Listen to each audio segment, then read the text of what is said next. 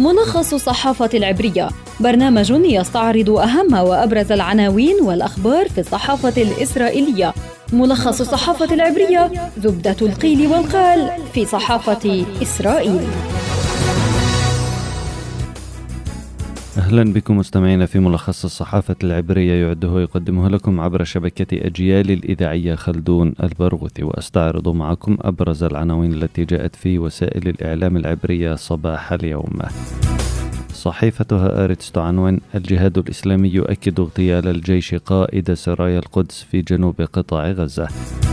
ويكتب جدعون ليفي في هآرتس أن العملية في غزة لا أهداف لها سوى الرغبة في إثبات أن إسرائيل قوية. يديعوت أحرونوت عنوان إسرائيل تغتال خالد منصور قائد الجهاد الإسلامي جنوب القطاع وهو بمكانة تيسير الجعبري. أما صحيفة إسرائيل هيوم فتعنون قائد شعبة العمليات في الجيش يقول إن النخبة في قيادة الجهاد الإسلامي تمت تصفيتها. ومصدر في واشنطن يقول إن الإدارة الأمريكية تدعم إسرائيل بشكل كامل. صحيفة معاريف تتساءل هل سيتصاعد التوتر بعد موافقة الشرطة على دخول إيتمار بن كفير إلى المسجد الأقصى؟ وفي تحليل في معاريف على إسرائيل إنهاء العملية في غزة بسرعة وإلا فعليها الاستعداد للورطة هناك.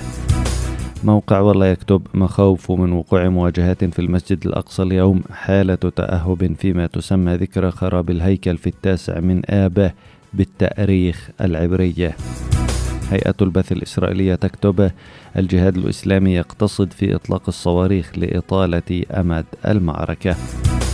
وفي القناة الثانية عشرة نتنياهو ينهي مقاطعة حكومة لبيد ويلتقيه اليوم للاطلاع على التطورات الأمنية.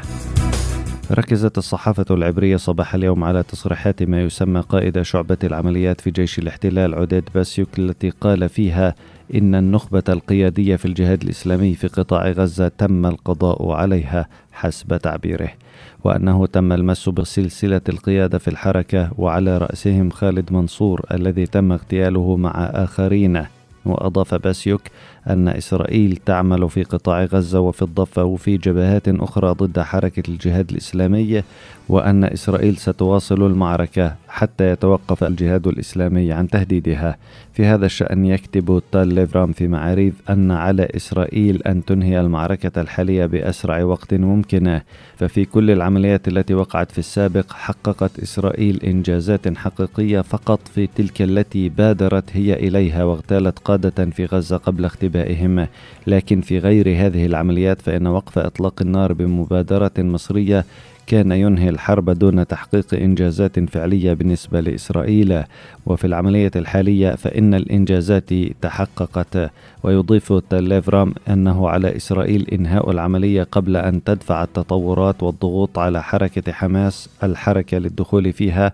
فتتحول المواجهة من عملية قصيرة الأمد إلى عملية طويلة ومعقدة في قطاع غزة. فالإنجاز الذي تحقق بعنصر المفاجأة في بداية المعركة سيتلاشى إذا طال أمد الحرب وسيحتاج الجيش إلى مفاجآت جديدة يحقق فيها إنجازات تساعده على إنهاء المعركة في أقصر وقت ممكن يقول طال ليفرام في صحيفة معاريفه. نهاية حلقتنا من ملخص الصحافة العبرية أعدها وقدمها لكم عبر شبكة أجيال الإذاعية خلدون البرغوثي. تحياتي إلى اللقاء.